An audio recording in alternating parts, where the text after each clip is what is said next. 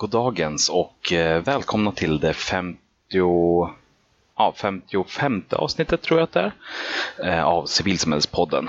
Mitt namn är Charles Metzma och precis som vanligt så arbetar jag på Sveriges Blåbandsungdom, en nykterhetsorganisation, men här i podden så representerar jag mig själv. Och skulle det vara så att du har hittat hit för första gången och inte har lyssnat på tidigare avsnitt, välkommen! Vi brukar börja med en vignett.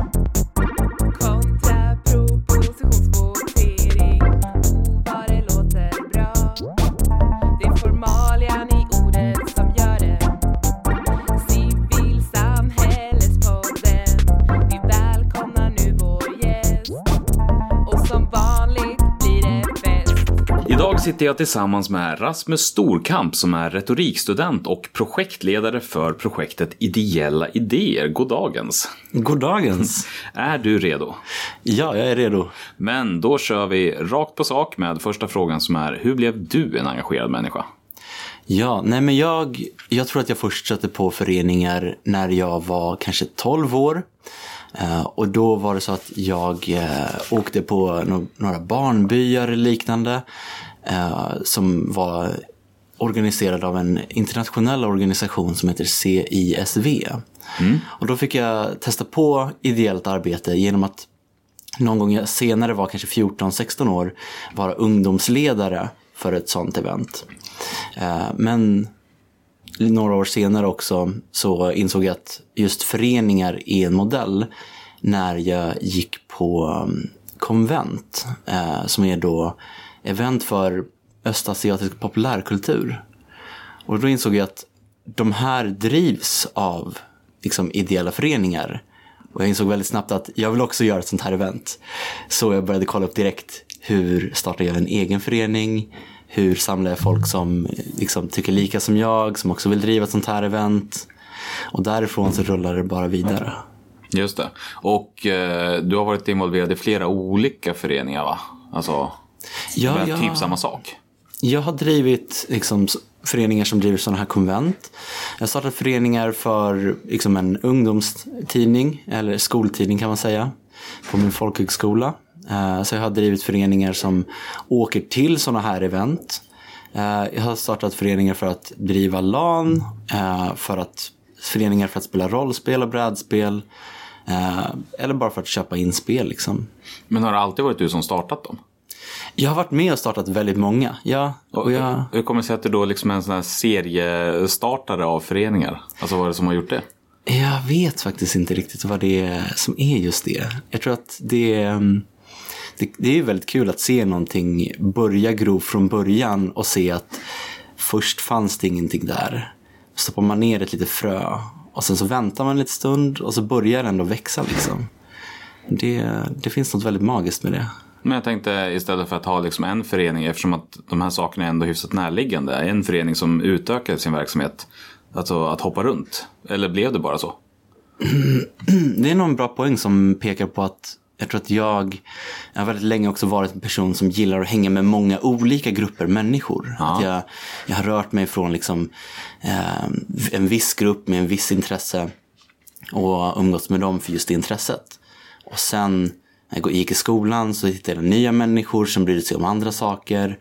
Och sen efter den skolan så hittade jag människor som bodde på samma område och spelade samma spel. Eh, och sen så har det rört sig vidare så. Just det. Så det har blivit, eh, föreningen har varit ett sätt nästan att fånga ett umgänge till liksom mer stabilitet. Ja, det, har, det har ofta varit så att det startats av en eh, vänskapskrets liksom. Ja. Eh, Och det här projektet eh, Ideella idéer som du just nu pysslar med, kan du bara beskriva det lite kort också? Ja, eh, ideella idéer är någonstans mellan en seriebok och ett utbildningsmaterial. Men det är inte bara det ena eller det andra ska ni tänka er. Det är en berättelse som är väldigt levande. Det är en serietidning som har väldigt stora bilder och väldigt, vår tecknare Jacek Aronen Nunes, han har gjort väldigt realistiska målningar. Så att det blir en väldigt inlevande berättelse om hur tre vänner skapar en förening tillsammans. Just det. Spännande. Vi kommer säkert komma in på det mer. Men först så ska vi ju rulla över på det som dagens avsnitt ska handla om. Eh, och det är egentligen konstigt kan jag tycka att det har gjorts så här många avsnitt av den här podden utan att det har pratats överlämning specifikt. Så därför så var det nu dags. Okej, spännande. Eh, vad, eh, om vi börjar med liksom, vad, vad är en överlämning för någonting på ett generellt plan? Liksom, vad innefattar den? Överlämning är ju att man liksom avgår för någonting och sen så går någon annan på den posten. Och sen så kommer ju den personen då ta över någonting, vare sig det är en verksamhet eller det är en lokal eller det är en bil. Och med det mesta som vi har gjort idag så är ju det vi gör som människor ganska komplext. Så det finns det instruktionsböcker och det finns eh, arkiv och det finns eh, ja, budgetar att hålla. Och sånt behöver ju nästa ägare eller eh, ledare veta. Så en introduktion i, i det som, som har gjorts och det som planerats att göra. Lite grann. Ja, exakt. Lite av andan eller filosofin eller liksom tanken bakom det man tar över. Just det, för att vissa saker går att läsa sig till ganska så bra. Men, men inte allt. Nej, exakt. Att man kanske inte vet just hur eh, den där bilen eller den här eh, fåtöljen man säljer på Blocket Kommer den knarra eller kommer den gå sönder liksom, om man gör på ett visst sätt? Kommer den här föreningen liksom, bryta ihop om man helt plötsligt börjar med en ny verksamhet? Eller handlar det om att börja en ny verksamhet varje år? Just det. Och vart någonstans eh, börjar man då för att göra en, en bra överlämning? Det är ju en bra fråga. Uh, jag menar, det finns ju ofta väldigt många olika saker att göra. Uh, jag menar, jag har ju, jag har ju ofta pratat med personer som man överlämnar till i förväg. Liksom. Man har ju, förhoppningsvis så har man ju liksom en lång konversation före man ens prata med en person som ska möjligtvis ta över. Att man, man frågar om personen kan tänka sig och om personen har förstått vad det innebär och liknande. Och sen när det väl liksom kommer till det så då blir det lite mer en formalia sak. Att man, liksom, att man bara ger papper och går igenom alla punktlistor mer praktiskt. Men jag tycker att liksom att den överlämningen börjar när man börjar med valberedningsarbetet. Att man börjar leta efter någon som skulle, mm, värdig är väl fel ord, men någon som verkligen liksom man tror skulle förstå, någon man tror man, att man kan lita på att ta hand om det här väl. För det är ofta liksom att man, man har en liten bebis. Liksom. När, man, när man verkligen bryr sig om att överlämna något, då har man ju verkligen investerat kärlek och tid till någonting. Mm. Så det, man letar ju ofta liksom efter en person som passar. Ja, och det är lite olika också. Speciellt, jag menar, tittar man på lokalföreningsnivå så är i alla fall min erfarenhet att det är ganska eh, tydligt och färdigt en stund innan årsmötet vem det är som kommer ta över vilken post. Därför att, ja, det brukar inte alltid vara slagsmål om, om platserna och det sker mer organiskt så att säga. Ja, men jag, jag kan verkligen känna igen det från min erfarenhet av när jag satt, eh, jag satt tre år i Swerock Stockholms eh, distriktsstyrelse. Och då, ehm, då fanns det ju väldigt många personer för valberedningen att plocka upp. Men det var aldrig för trångt på årsmötena, det var aldrig för många som liksom höjde handen spontant. Även om jag själv var en av de personerna. Ehm, så då fann, där liksom fanns det ett bra exempel på att valberedningen kunde göra ett långsamt liksom, arbete under hela året för att leta efter någon. Eh, och det, det är inte alltid man har möjlighet till det heller. Nej. Nej, men även i det, det exemplet tänker jag om det finns liksom två möjliga kandidater så finns det fortfarande, det är ganska rimligt att överlämna till båda. Men, men poängen är ändå att överlämningen är någonting som påbörjas innan liksom, årsmötet har fattat ett beslut. Ja, men det gör alla väldigt mycket tryggare på ett årsmöte om man kan i förväg se i protokollet man har fått i posten att den här personen föreslås. Eh, Och nu med digitala medel så kan man ju få en personlig berättelse av den här. Och mm, få se i förväg liksom att eh, den här personen kan jag lita på att komma till årsmötet och rösta på. Liksom. Det ger en väldigt trygghet till liksom, att eh, istället lära känna alla på plats. Liksom. Och mm. utifrån liksom överlämningsperspektivet, vad är det för några grejer som, som man liksom ska tänka på att göra innan årsmötet då? Vilken typ av kunskap är det man lämnar vidare? Det är som sagt tidigare, så, alltså, det beror ju på verksamheten. Men Jag tycker att det viktigaste är ju vad förra styrelsen gjorde under hela det förra året. Eh, Det kanske inte är så ofta man gör det, men jag, jag skulle gärna föredra att liksom, få det presenterat för mig. Vad exakt gjorde ni? Exakt vilka möten hade ni? Får jag kolla på era gamla protokoll? Får jag se hur ni diskuterade? Ehm, för att få en förståelse över vad är normen för hur man liksom beter sig Eh, och åtminstone liksom hålla sig till samma norm eller samma kvalitet som förra styrelsen gjorde. Ehm, och då får ni idé om vart föreningen är på väg genom det förra året. Eh, det är inte alltid lika tydligt liksom vart, Man man precis kommit ifrån det här årsmötet och man känner sig väldigt så här invigorated av massa nya förslag och idéer och en ny handlingsplan som någon annan förberett åt en. Ehm, men just att se vad var, hur skötte de föreningen innan och få gå igenom det med tidigare styrelsen. Men hur mycket ansvar tycker du att man bör ta för den gamla styrelsens visioner kontra att forma sina egna? Sen är det ju förstås årsmötet som beslutar om, om inriktningen, men, men nu låter det ändå som att du beskriver ganska mycket att det handlar om att ta över eh, arv, kultur och drömmar på något sätt. Ja, men jag, jag skulle ju säga det för att jag är ju i position av att ha precis liksom gjort det, att lämnat över en hel del olika verksamheter. Men jag tror också att man har ju såklart en annan inställning. Eh, jag kan ju verkligen förstå eh, och delvis relatera till liksom folk som har inställningen av att när man tar över så har man möjlighet och frihet och kanske till och med ansvar att skapa något nytt. Att man ska ta det i en ny riktning. Och ibland behövs det, men ibland behövs det heller inte. Ehm, ibland vill man det och ibland vill man inte det.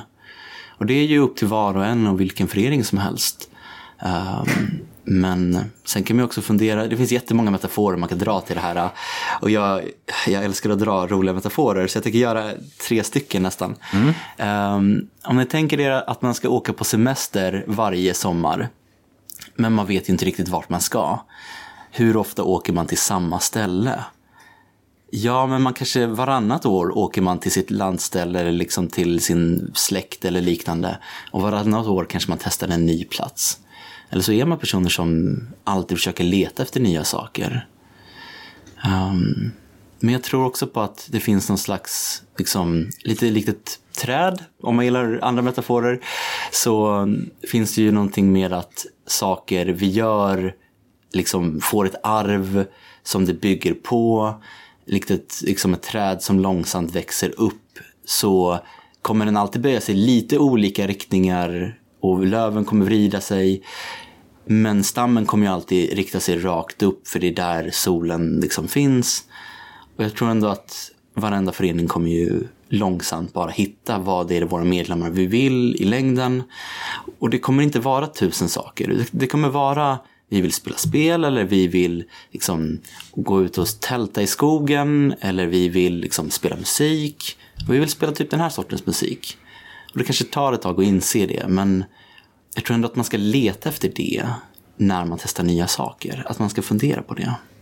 Och som den som då blir överlämnad till att man inte tänker sig att man, det första man gör är att kapa stammen med motorsåg och sen se vad som växer upp istället. Utan Nej, exakt. Och gör man det så kanske det växer ut ett litet skott. Men då bränner man ju liksom kanske tio år av arbete som någon har lagt. Det är ju lite tråkigt liksom. Det, det här hade man kanske kunnat använda på ett mer effektivt sätt. Man hade, någon hade kanske kunnat ta det här tioårsträdet och, av en förening och liksom försöka se om man kan vrida det i någon kul form. Liksom. Hade man kunnat göra det lite rakare eller lite rundare? Och varför? Liksom, det är bra, alltid bra att fundera på varför man gör det och prata med andra om det. Men, men hur gör man då för att eh, alltså på ett strukturerat sätt överlämna den här typen av extremt abstrakta liksom, värden? Alltså för eh, även om stammen är på ett träd, är någonting väldigt fysiskt och påtagligt, så är inte riktigt en förenings liksom, innersta väsen lika lätt att greppa. I alla fall inte i sin helhet, utan du kanske säger att ah, okej, det är vit bark. Eh, men, men inte innanmätet, det syns ju inte utifrån så att säga. Ja.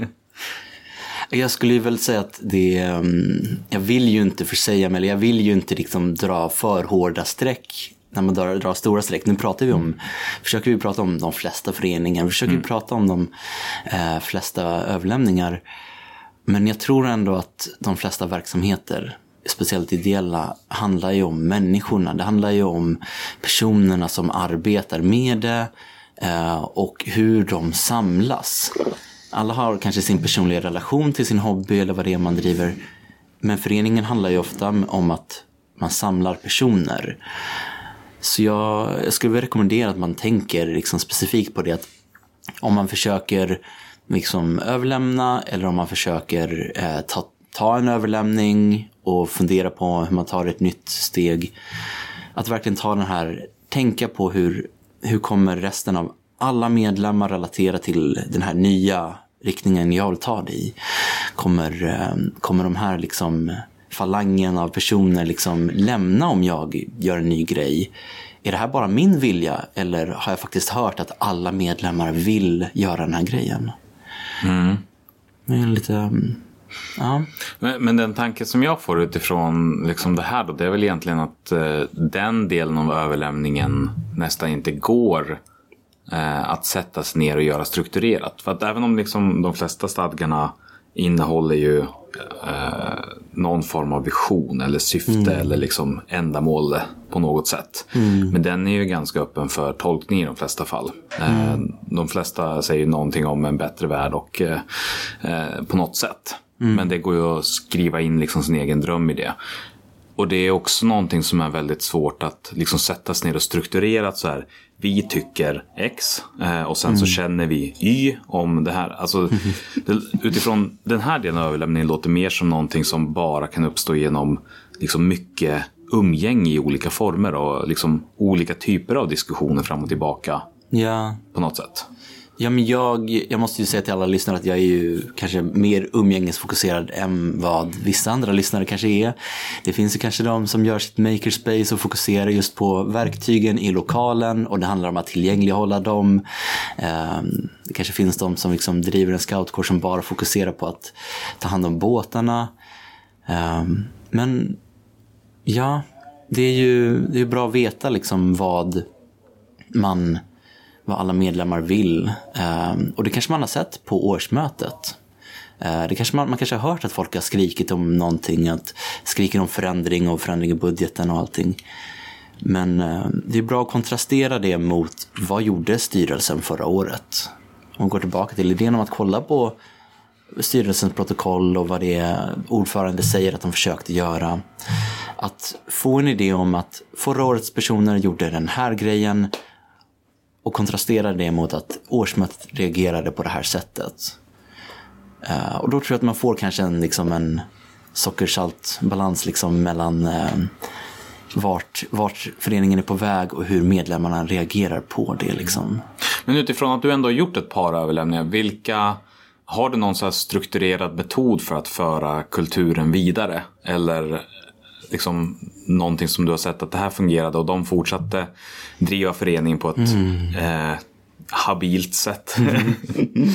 Eh, ja, jag har ju inte liksom, total insikt i liksom, allting som har gjorts efter att jag lämnat. Men en väldigt stabil strategi verkar ju vara att lämna kvar åtminstone en eller två personer i styrelsen. Att inte byta styrelse helt. Utan förhoppningsvis lämna kvar kanske en ordförande som varit ledamot tidigare. Eller att liksom lämna kvar en eller två ledamöter som kan liksom, under årets gång berätta om vad den här delen av arkivet handlar om eller liksom vad, vad gjorde vi på den här mässan varje år. Um, och det ger ju en himla trygghet när man kommer in i en styrelse att se att någon sitter här och säger det här är vad vi gjort tidigare men ni har frihet att göra lite vad ni vill. Det är ju det är rätt schysst tänker jag. Uh, men har man inte möjlighet till det så är det bra att tidigare ledamöter sitter kvar uh, med i ett samtal liksom, efter årsmötet. Att, att man kanske spenderar en vecka eller två med att Eh, tidigare styrelsen hjälper att boka in nya styrelsen på en utbildning eh, som kanske drivs av någon i närheten i staden. Ehm, att man sitter på själv och har en utbildning. Ehm, kanske ger en lite kort föreläsning till dem om vad är det att vara ordförande och just i den här föreningen. Mm. Och det är ju ganska mycket de mjuka sakerna. Men det finns ju även en hel del liksom så här praktiska tingestar. Och beroende på vilken typ av verksamhet man bedriver så är det ju olika liksom, saker. Men någon form av administration finns ju i alla lägen och annat sånt där. Hur ser man till att inte missa någonting av allt det som det här osynliga arbetet som bara görs? Alltså listor. Listor. Punktlistor och uh, sifferlistor och alla sorters listor. Det är, det är det bästa som människor har uppfunnit känner jag. Liksom. Det är seriöst att, att um, nu kan man säkert googla upp den här statistiken. Men om ni tänker er att liksom, kanske ja, en av eh, liksom hundra flygchaufförer, liksom eh, flygpiloter, kanske liksom glömde bort att göra någonting i sin komplicerade, liksom av hundra knappar de ska trycka på. Då och då, liksom kanske en av tusen personer, en av tusen eller tiotusen flygningar glömde de bort att trycka på en knapp. Och så kanske något farligt hände. Men så fort de hade skrivit liksom en lista eh, där i vilken ordning de skulle trycka på knapparna blev det så mycket lättare för dem att trycka på hundra knappar, varje flygning i korrekt ordning utan problem. Och så nästan minimerade man liksom den farorisken. Och jag tror att det går att göra med alla aspekter av livet. Att eh, man skriver en lista för städning och så känns det så himla mycket lättare. Jag brukar skriva listor för vad jag ska göra på dagar där jag känner mig eh, liksom oengagerad och opeppad. Att jag bara skriver upp att ring den här personen, skriv den här läxan, liksom, skriv det här mejlet. Och så gör jag det och så checkar jag av det och så känns det jättebra.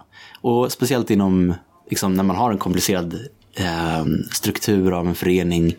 Man har massa arkiv och saker att liksom gå igenom och saker att göra på ett år.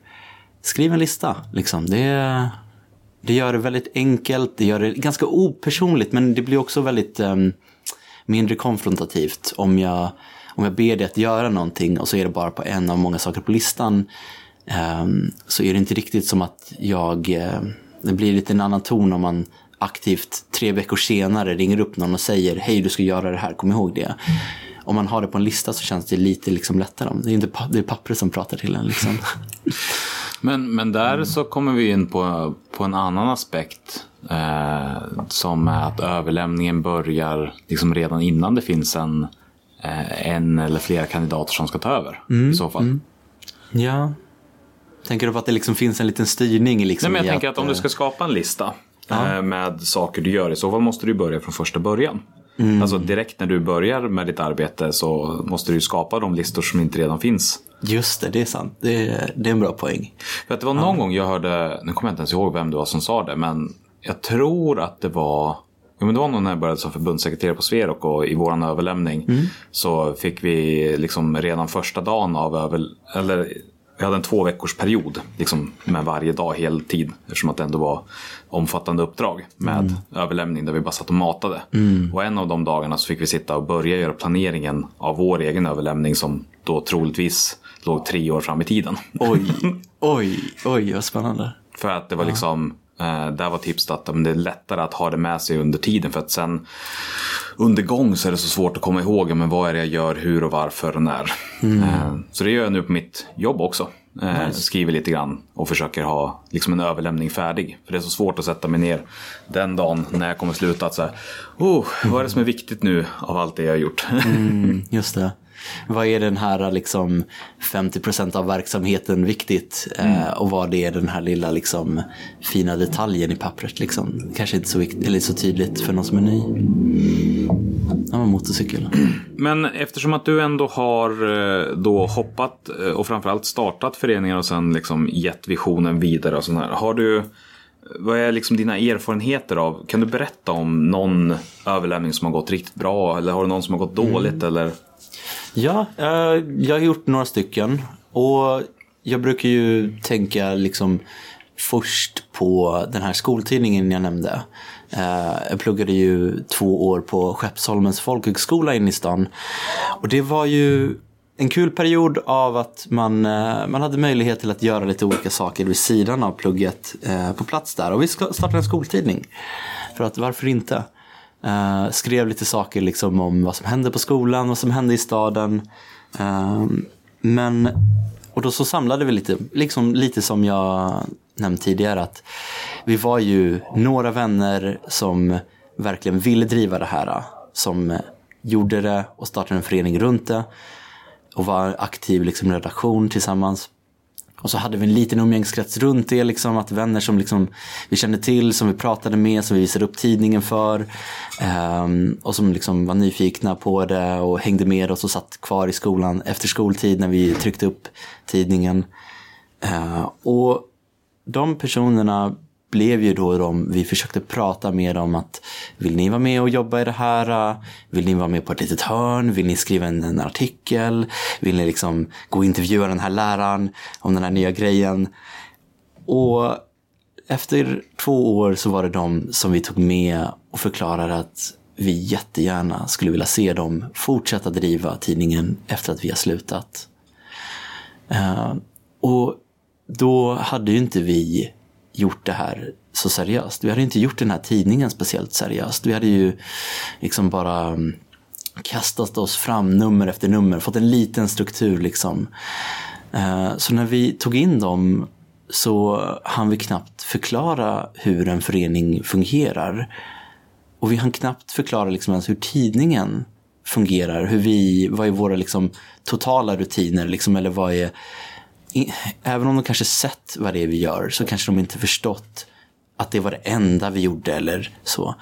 Alltså Så hela det- processen såg ut exakt. från, från eh, Ja. det att man sitter och diskuterar vad ska vi ta med till Men jag försöker på något sätt att sätta fingret på att grejen att när jag säger det, då kanske det låter som att vi hade en stor process.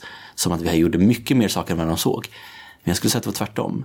Jag skulle säga att de såg allt vi gjorde och trodde att det fanns mer bakom. Så att de var rädda för att ta över det de såg oss göra. Så att när vi gav dem föreningen och vi gav dem tidningen så tror inte jag att de fortsatte. De, eh, jag tror att de började liksom skriva några nummer eh, lite halvdant efter våra mallar och sen la ner det eller bara slutade liksom tappa engagemanget. För att vi hade ju precis slutat skolan när vi lämnade över. Vi hade inte tänkt på att lämna över efter ett år. Utan vi tänkte ju att vi skulle lämna över när vi slutade.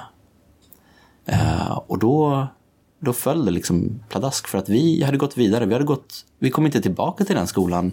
Eh, de var kvar i den skolan eh, och umgicks med nya personer där. Eh. Och vi umgicks med nya personer utanför skolan. Så eh, det gick inte speciellt bra skulle jag säga.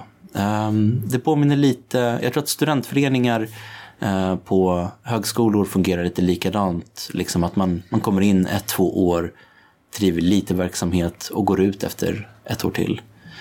Um, Alltså studentföreningar som är på typ gymnasium. Alltså inte, nej, högskolor. Ja. högskolor. Men den- alltså kårverksamheten och studentverksamheten är ju, har ju en lång tradition. Den är inte så... Eller tänker du på liksom mer specifika? Ja, jag tänker på lite mindre, mindre kårföreningar liksom. Ja, spontana liksom, Ja, initiativ. exakt. Ja, ja, men Ja. då är jag med. Nej, nej. Jag tänkte för kårerna. De, Ja, nej, det är kårer är ju en annan som- grej. Det är ju en annan grej. Som sagt, ehm, det, det finns ju stabilare organisationer såklart än en uh, liten nystartad förening.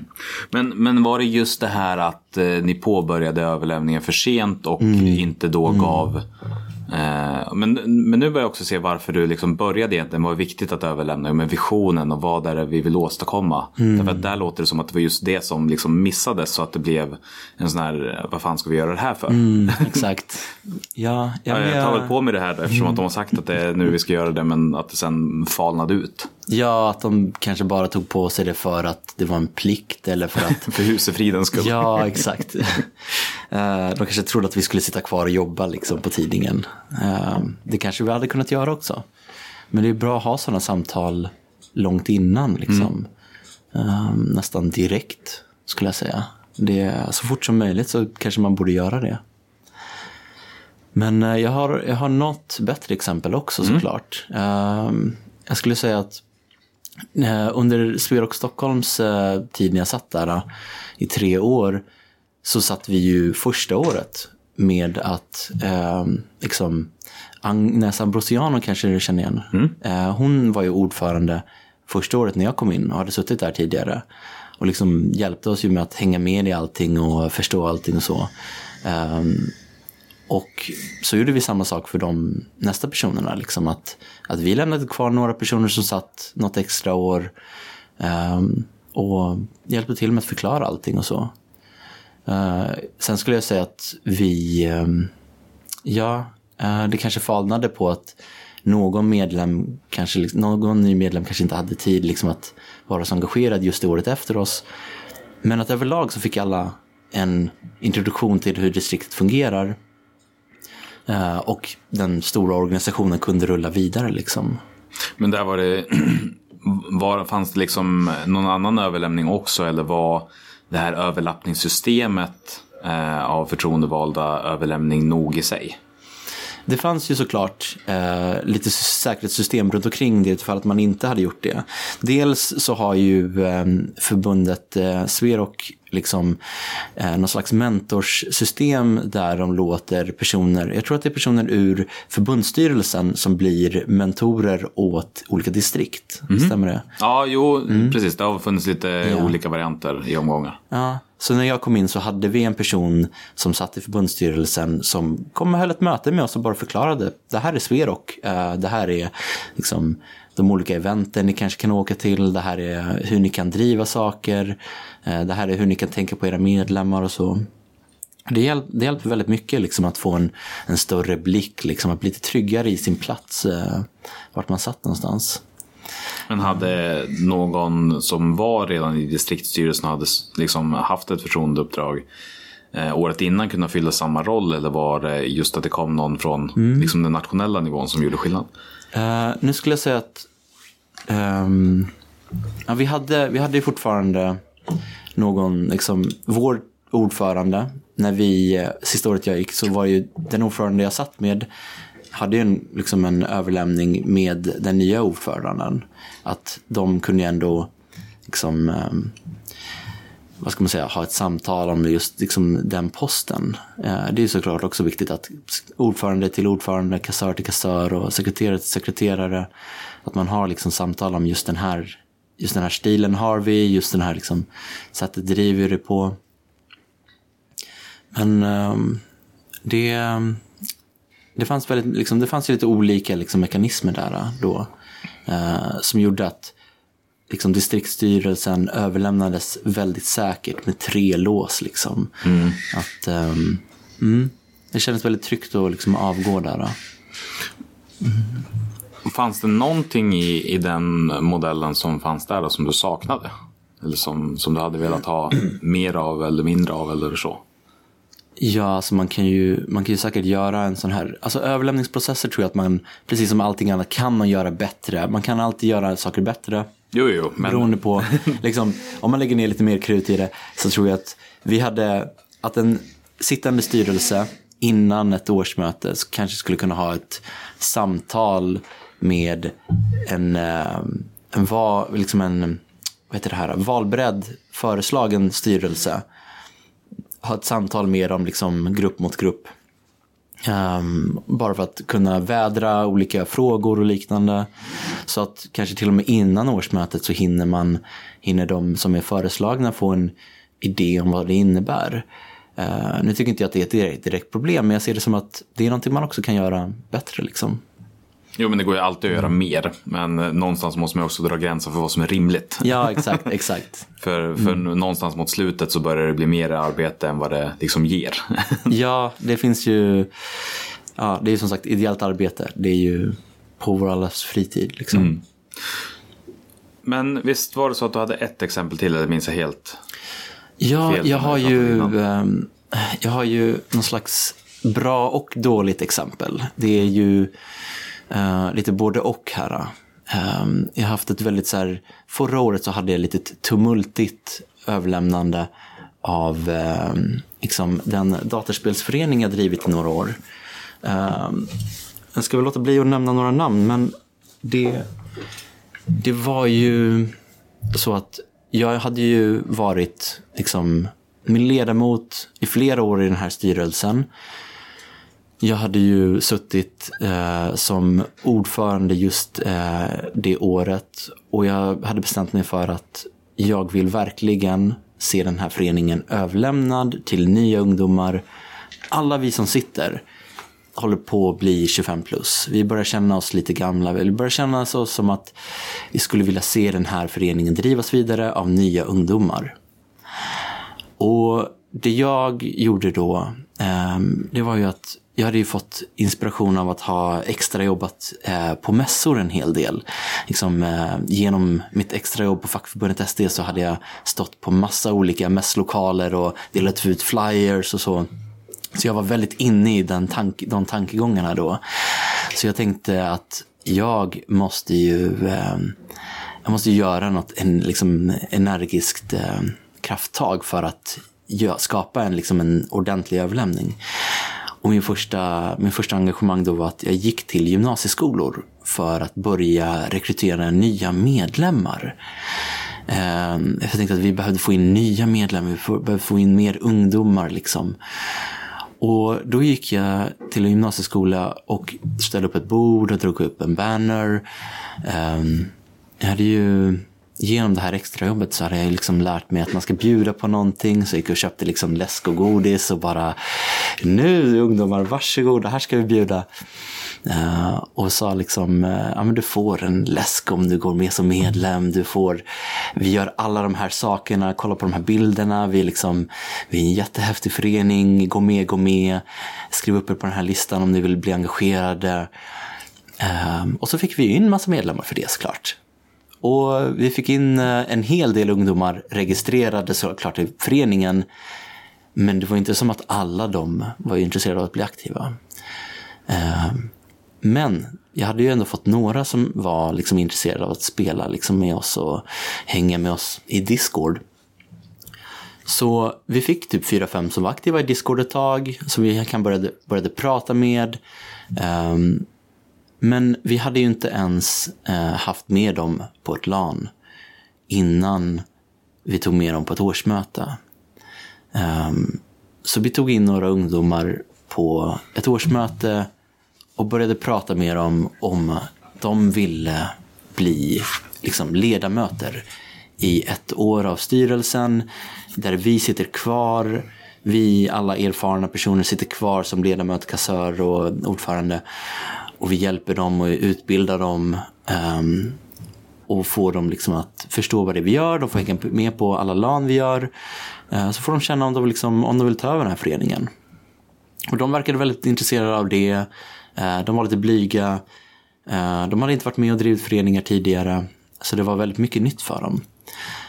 Och var Men... liksom verksamheten som de då förväntades ta över ganska omfattande? Eller pratar vi liksom ett, två arrangemang per år? Eller hur? Ett, två, alltså vi försöker göra fyra små arrangemang per år ungefär.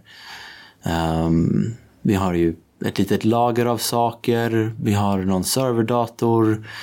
Um, inte jättemycket, men det är också mer än vad de är vana vid såklart. Um, men de visade liksom ett, de gick med i styrelsen, de um, blev ledamöter, de visade lite engagemang, de visade lite som så här, de försökte ta, um, ta lite egna initiativ till att göra lite saker. Liksom.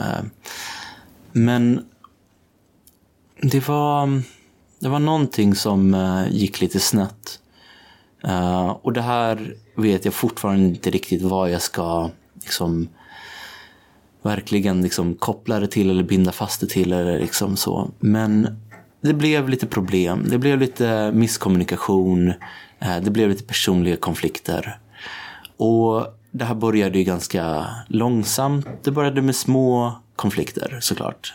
Som alla bråk så liksom eskalerar de över tid. Ja, exakt. Och man tror inte i början att det ska leda till ett stort bråk. Men när det har gjort det så kanske det är lite sent att dra i backen för att folk har bitit fast sig. Liksom. Så det här var ju, det, här, det, det blev en konflikt mellan en av de nya medlemmarna och en av de gamla medlemmarna.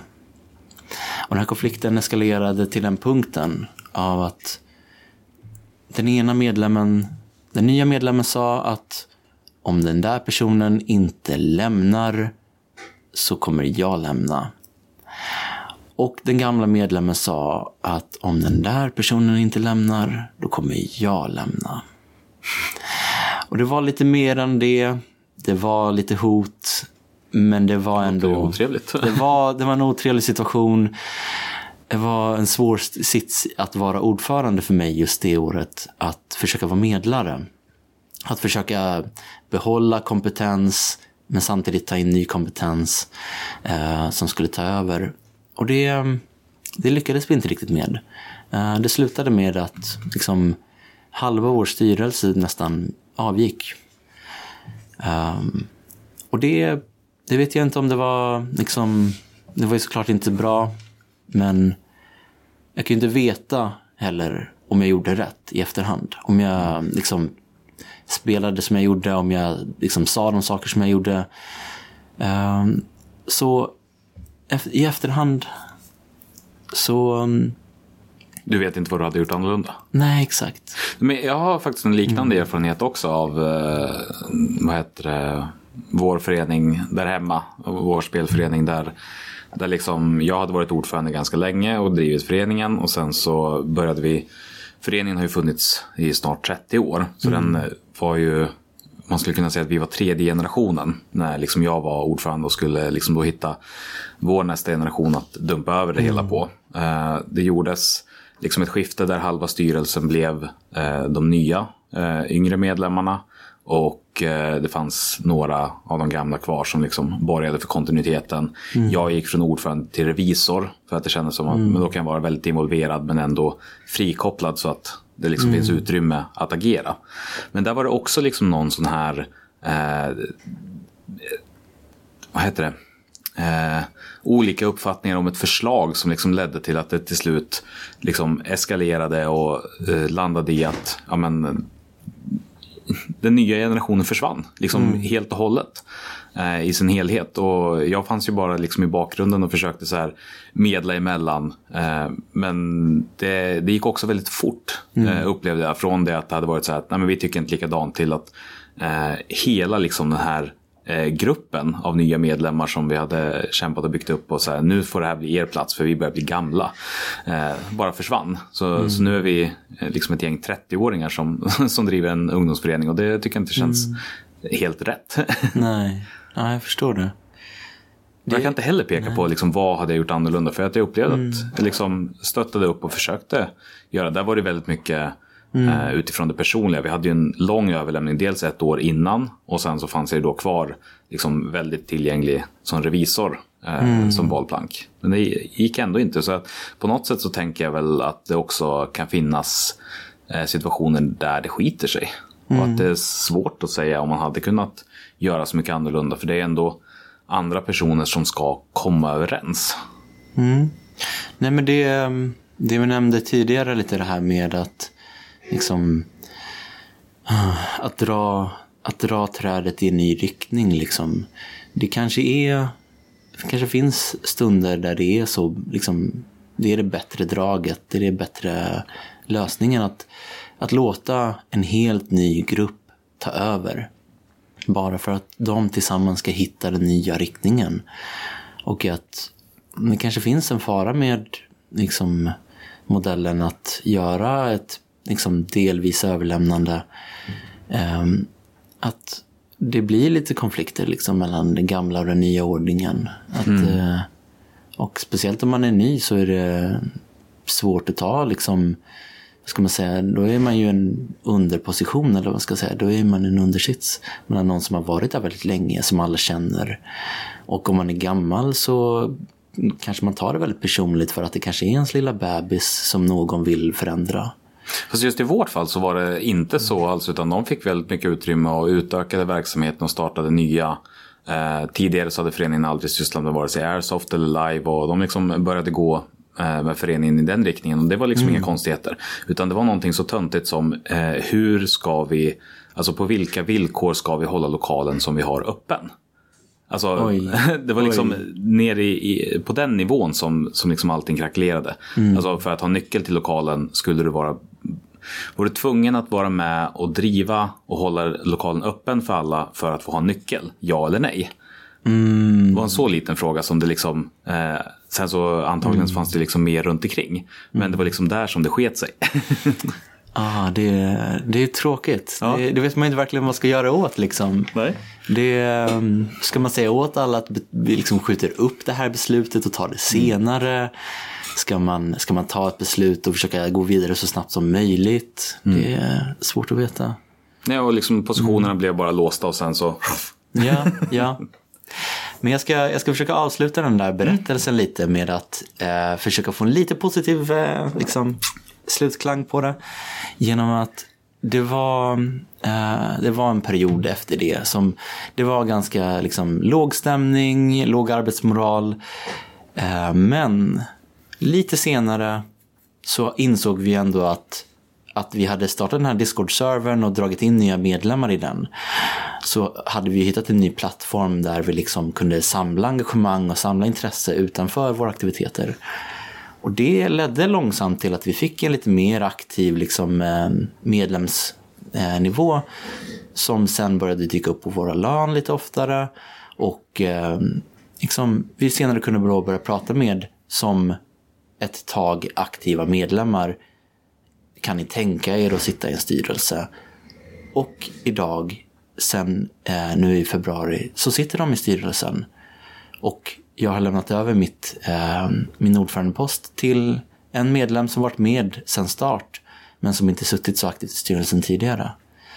Eh, så idag så rullar föreningen ändå vidare med att liksom, vi har hittat de personer som stannat kvar, som varit engagerade eh, och som visat intresset liksom, eh, på egen hand. Och det, det känns ändå ganska bra liksom, att det går att hitta i slutändan. Även om någonting går fel så liksom, är det sällan saker brinner ner till grunden så att säga. Nej men precis, det finns ju alltid en lösning. I mitt fall så blev väl lösningen att men då går vi gamla in igen och så, så fortsätter vi lunka vidare. så att lösningar finns det alltid.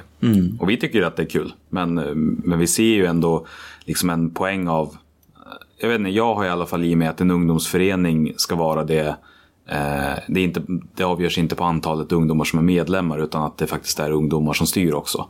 Och hur gärna jag än vill så kan jag inte liksom sålla mig till den gruppen längre.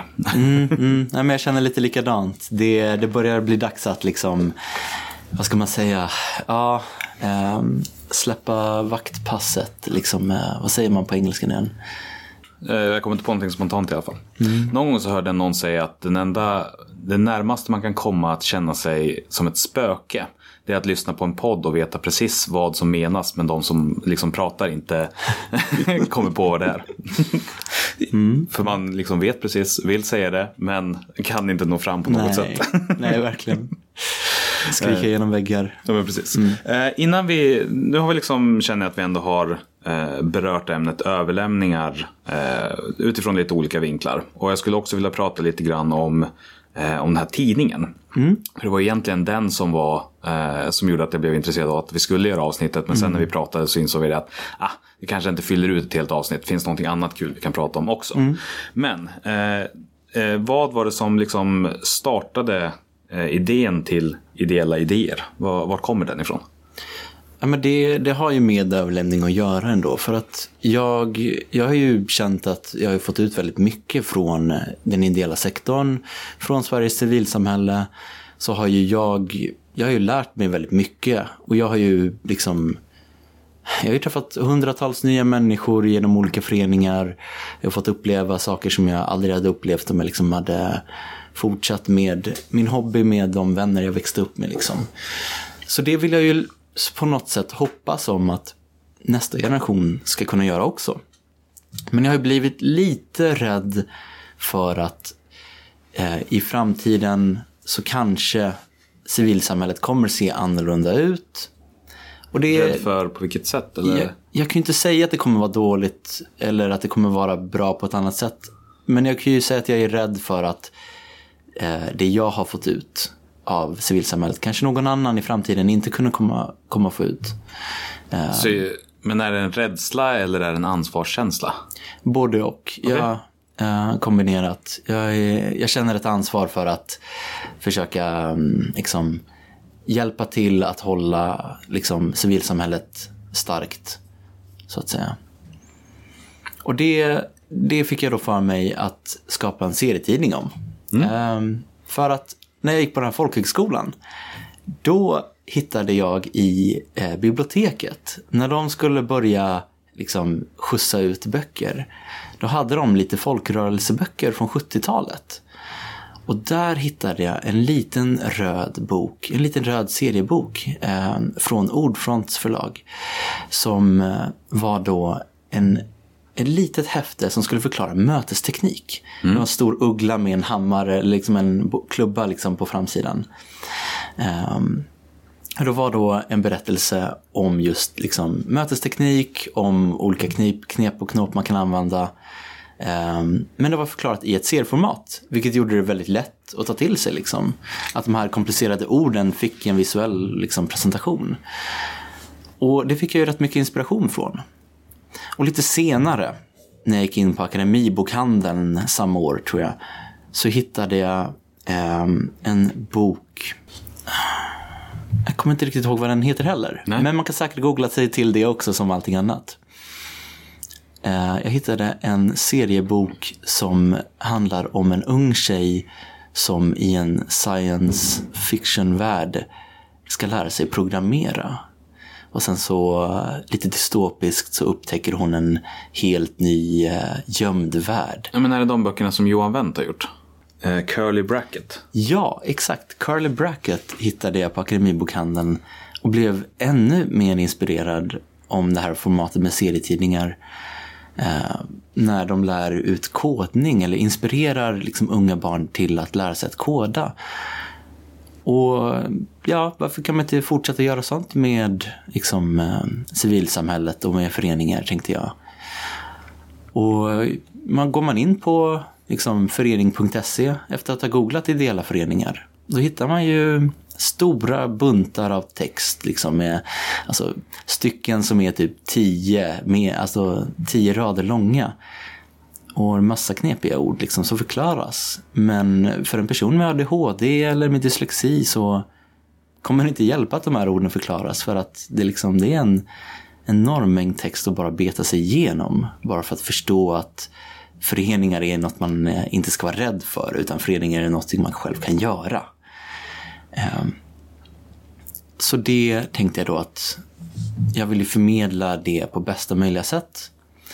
Och då tog jag kontakt med en barndomsvän från Botkyrka som heter Jashak. Eh, och han har ju då, liksom, han ritade ju massa saker liksom, i skolan. Eh, men han gick ju också vidare till att studera på Konstfack. Eh, och idag är praktikant på Tumba gymnasium som bildlärare. Um, och vi pratade ihop oss med liksom det här serieformatet och hur kan man göra den här berättelsen.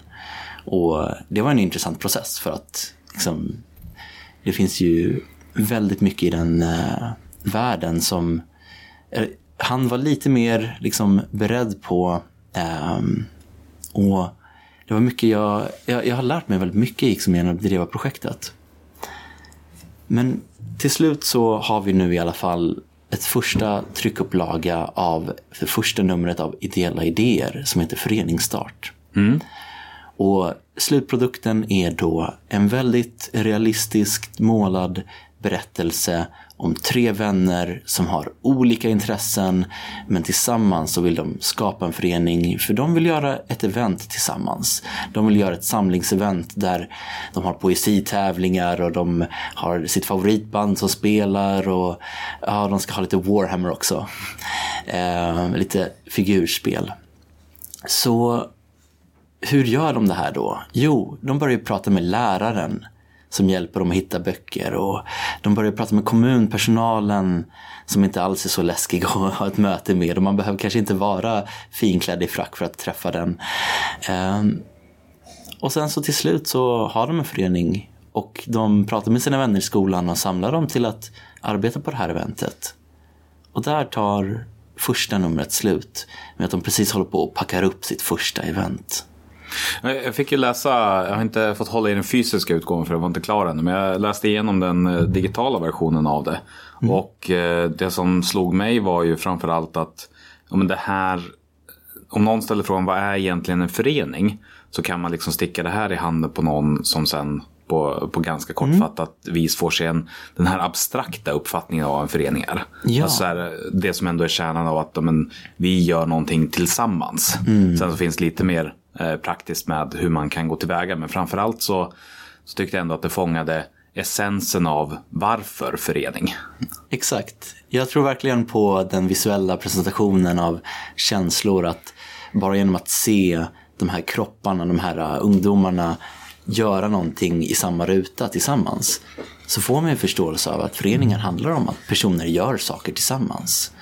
Eh, och sen så finns det lite, an, lite kryddat innehåll där med liksom lite ord som dyker upp och lite saker som förklaras. Och de skriver på ett papper från Skatteverket.